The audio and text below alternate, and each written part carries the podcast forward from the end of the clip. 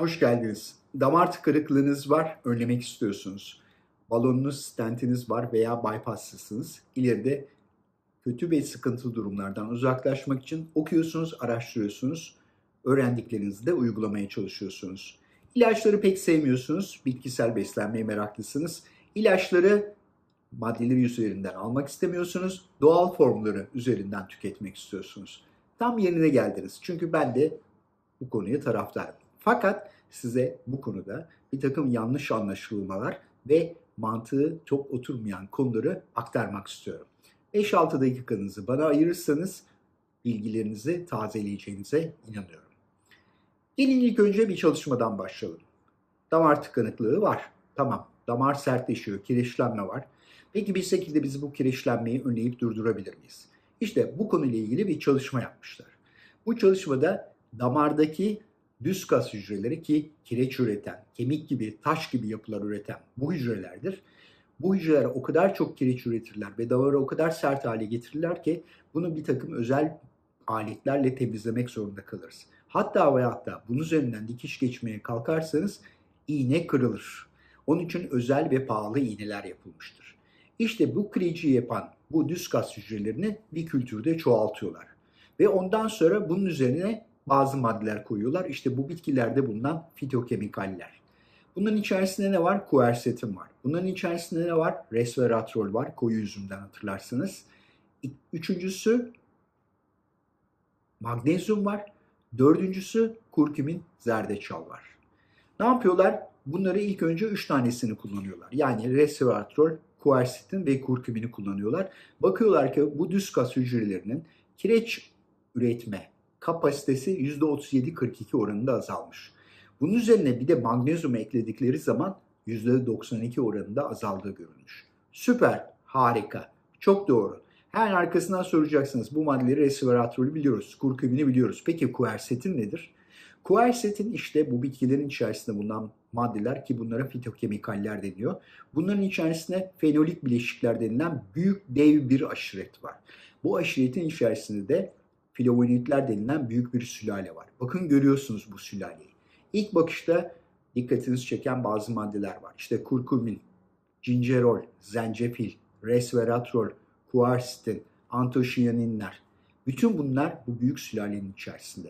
Ve genelde bu maddelerin özellikleri aynen kuersetinde olduğu üzere antioksidan olmaları, iltihap karşıtı olmaları. Böyle konuya başladığınız zaman o zaman deniyor ki bunlar hem antioksidan hem iltihap karşıtı o zaman ne yapalım? Kronik hastalıklarda özellikle kalp damar hastalıkları, şeker hastalığı, kansiyon ve Alzheimer gibi beyin dejeneratif hastalıklarında işe yaradığı teorik olarak kabul ediliyor. Fakat baktığınız zaman çok az sayıda insan çalışması var.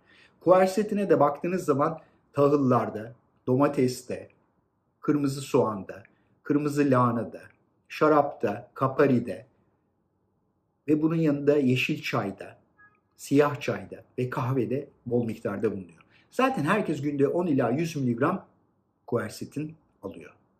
Ve kuersetinin şöyle bir özelliği var. Genel fitokemikaller içerisinde bunu paralel olarak kurgulayabilirsiniz. Kuersetin normalde bu maddelerde olduğundan dolayı 10 ila 100 mg zaten biz alıyoruz. Fakat önemli bir soru var. O da şu. Kuersetin bu sülalenin içerisindeki aşirette bir numara. Niye bir numara? Çünkü biyo yararlanımı en yüksek. Peki diyeceksiniz ki ya biyo yararlanımı nedir? Emilmesi ve vücutta işe yaraması. Peki bu oran koersetinde kaç? %47. Bakın düşünün bir oran %47. İşte fitokemikallerle ilgili olan sorun bu. Üzerinde durulmayan, atlanılan veya söylenmeyen gerçek bu. Yani o madde, o bitkinin içerisinde ne kadar var? Her bitkide bu madde var mı bilmiyoruz. Nitekim kuersetine baktığınız zaman kuersetinin üretildiği bütün bu bitkilerin tohumları, sulama yöntemleri, hasat yöntemleri ve gübreler bu maddenin oranını değiştiriyor. Hep söylenir, brokoli harikadır, içindeki maddeler acayip işe yarıyor diye söylenir ama araştırmalara baktığınız zaman görürsünüz ki o brokoli bizdeki brokoli değil. Her brokolide o madde bulunmuyor. Her brokolide o madde standart olarak bulunmuyor. İşin sıkıntısı da burada ortaya çıkıyor.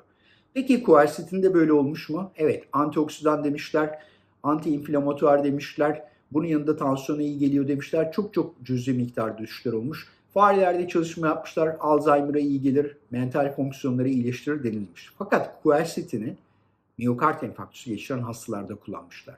Ve kullanıldığı zaman yaklaşık 120 mg dozunda kullanmışlar ve görmüşler ki bazı iltihabi belirteçler, TNF alfa, interleukin 1 beta gibi özel maddelerin azaldığını görmüşler. Yani quercetin saf formunda kullanıldığı zaman miyokard enfarktüsündeki hastalık ve iltihap oranını düşürüyor diyebiliriz. Bunun yanında çok daha ilginç bir olay söz konusu. Quercetinin bu çalışmada kullanılan dozu 120 mg. Buna karşın takviyelerde kullanılan dozu nedir? 500 ila 1 mg. O da neden? Biyo yararlanımından dolayı. Yeteri kadar emilmiyor ve yeteri kadar yararlanımı olmuyor. O yüzden quercetin içine vitamin C ve bromolin eklemişler ki hem emilimi hem yararlanımı daha çok artsın diye. Gördüğünüz üzere bitkilerin içerisindeki maddeler yararlı. Ama bitkilerin içerisindeki maddelerin insanlarda kullanımı konusunda yeterli veriye sahip değiliz. Fakat buna karşın görüyoruz ki son zamanlarda tüm dünyada harıl harıl bu fitokemikaller üzerinde bir takım çalışmalar yapılıyor.